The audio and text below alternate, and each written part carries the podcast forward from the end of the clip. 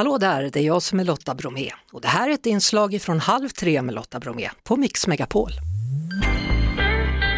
En kräfta som är en klassiker, det brukar ju vara den småländska kräftan.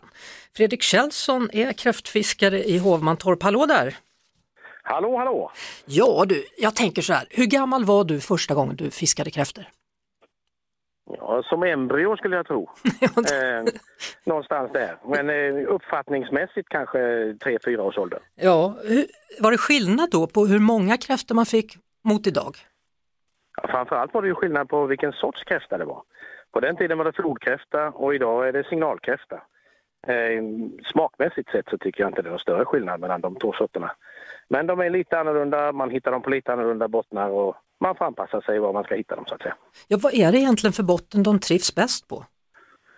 Ja, steniga bottnar. Och det är ju, det är ju alldeles utmärkt här i utvandrarbygden där vi har enormt med sten.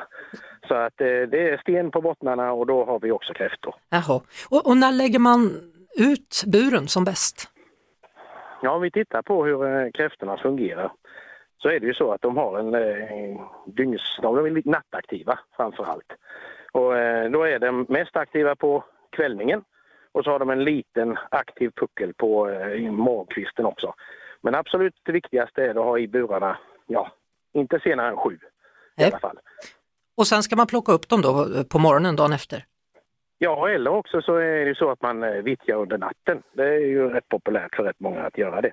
Men det är ganska mysigt va? Då får man åka där med ficklampa och så lysa när man drar upp en bur och så vidare.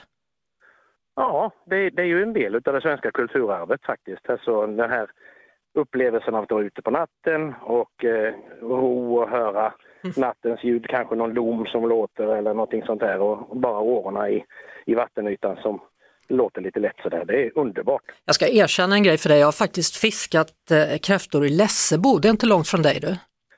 Nej du, det är 14 kilometer. Ja, så jag vet hur det är att ro där så här lite i, i mörkret och, och lysa med, flas- med, med ficklampan. Ja, jag Ja. visst är det mysigt. Ja, det är det. Ehm, är det något annat trick som du kan lära våra lyssnare? Ja, alltså det handlar ju om vilken sorts bete man ska ha. Det också, ja. Eh, och, och oftast använder vi ju någon vitfisk, typ mört eller någonting. Mm. Men eh, framför allt att inte snåla på mörten. De är ofta hungriga de här små rackarna. Jaha. Så eh, när det är slut så går ju inte fler in liksom. Nej, men man tänker att de inte får i sig så mycket, de har inte så stor mage. Nej, men eh, blir de många så blir det mer. Ja, det är skönt att du säger det, då, då kan man ha förtröstan, kräftorna finns kvar. Jajamensan, det gör de i allra högsta grad. Underbart, tack så mycket Fredrik Kjellson, Hovmantorp. Tack så mycket. Vi hörs såklart på Mix Megapol varje eftermiddag vid halv tre. Ett poddtips från Podplay. I fallen jag aldrig glömmer djupdyker Hasse Aro i arbetet bakom några av Sveriges mest uppseendeväckande brottsutredningar. Går vi in med hemlig telefonavlyssning och, och då upplever vi att vi får en total förändring av hans beteende. Vad är det som händer nu? Vem är det som läcker?